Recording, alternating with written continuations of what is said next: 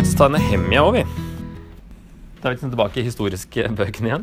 Eh, 445 til 433 pluss litt etterpå, som vi ikke helt vet hvor, um, hvor mange år. Men i hvert fall de 12-13 årene der. Bymuren og folket bygges opp igjen. De begynte å reparere muren i Esra 4, leser vi, men ble stoppa av den persiske kongen, og Nehemia ber den samme kongen om lov til å fortsette å reparere muren. Derfor er han så skjelven i begynnelsen. Og at han eh, er ikke bare gå inn til verdens mektigste mann og be han om å eh, snu om på det han befalte. Så han, eh, det er vel tre-fire måneder at Nahemia ber hver dag om å få en sjanse til å For han har fått en tanke av Gud om at han skal dra tilbake og bygge opp igjen muren. Men det er ikke bare å gå og si 'Gud har sagt at jeg skal dra'. Han må være lur. Det er veldig sånn taktisk og praktisk i Nehemia. Mye interessant der. Så han, um, hvis du ser på hvilke måneder det er snakk om, hebraiske navn, da, men de er da, det er tre-fire måneder imellom. Der han uh, jobber jo som såkalt munnskjenk. Og um, helt til en dag kongen legger merke til at han er trist, og så spør han hva som er i veien. Og da bare sånn ber han raskt før han svarer. Så han ber mye underveis, det er interessant. Eh, og han valser ikke inn og sier 'Gud har sagt', verken her eller når han kommer tilbake til Jerusalem og sier 'Gud har sagt du skal bygge opp en muren'. Først så tar han en inspeksjon i mørket for å se hvordan det her ser ut.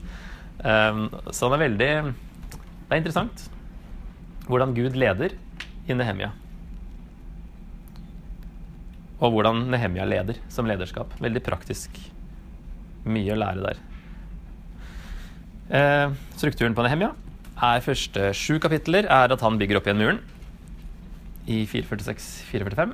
Så kommer Esra inn i kapittel 8-10 og på en måte bygger opp igjen folket. De leser fra loven, og de kommer liksom tilbake igjen til Gud eh, sånn offisielt. Så har vi kapittel 11 at Nehemia bygger opp igjen samfunnet litt.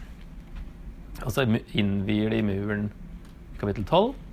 Og så er det sånn epilog i kapittel 13, som da skjer før kapittel 12. Um, ehm, med noen reformer som Nehemia uh, utførte, bl.a. noen oppløse noen blandingsekteskap. da også. Forskjellen på Esra og Nehemia er at når de hører om de tingene her, så Esra river seg i håret, står det. Og når Nehemia hører om det, så river han dem i håret. De som har gifta seg med andre. så det er forskjellige personligheter i de to.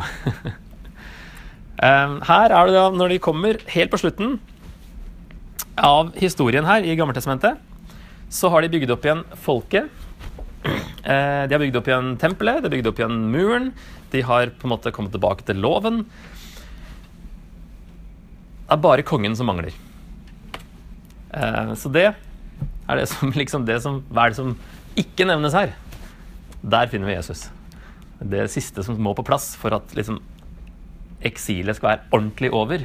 Og de har kommet liksom helt til målet. Og så også boka, sånn boka slutter, så er det ikke sånn happy ending at uh, alt var bra.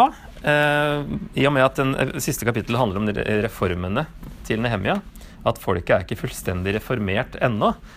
Og det kan også peke fram til at det er nødvendig med noe enda mer enn gjenfødelse. Altså at vi får Guds ånd alle sammen, som det også er profetert om tidligere i profetene.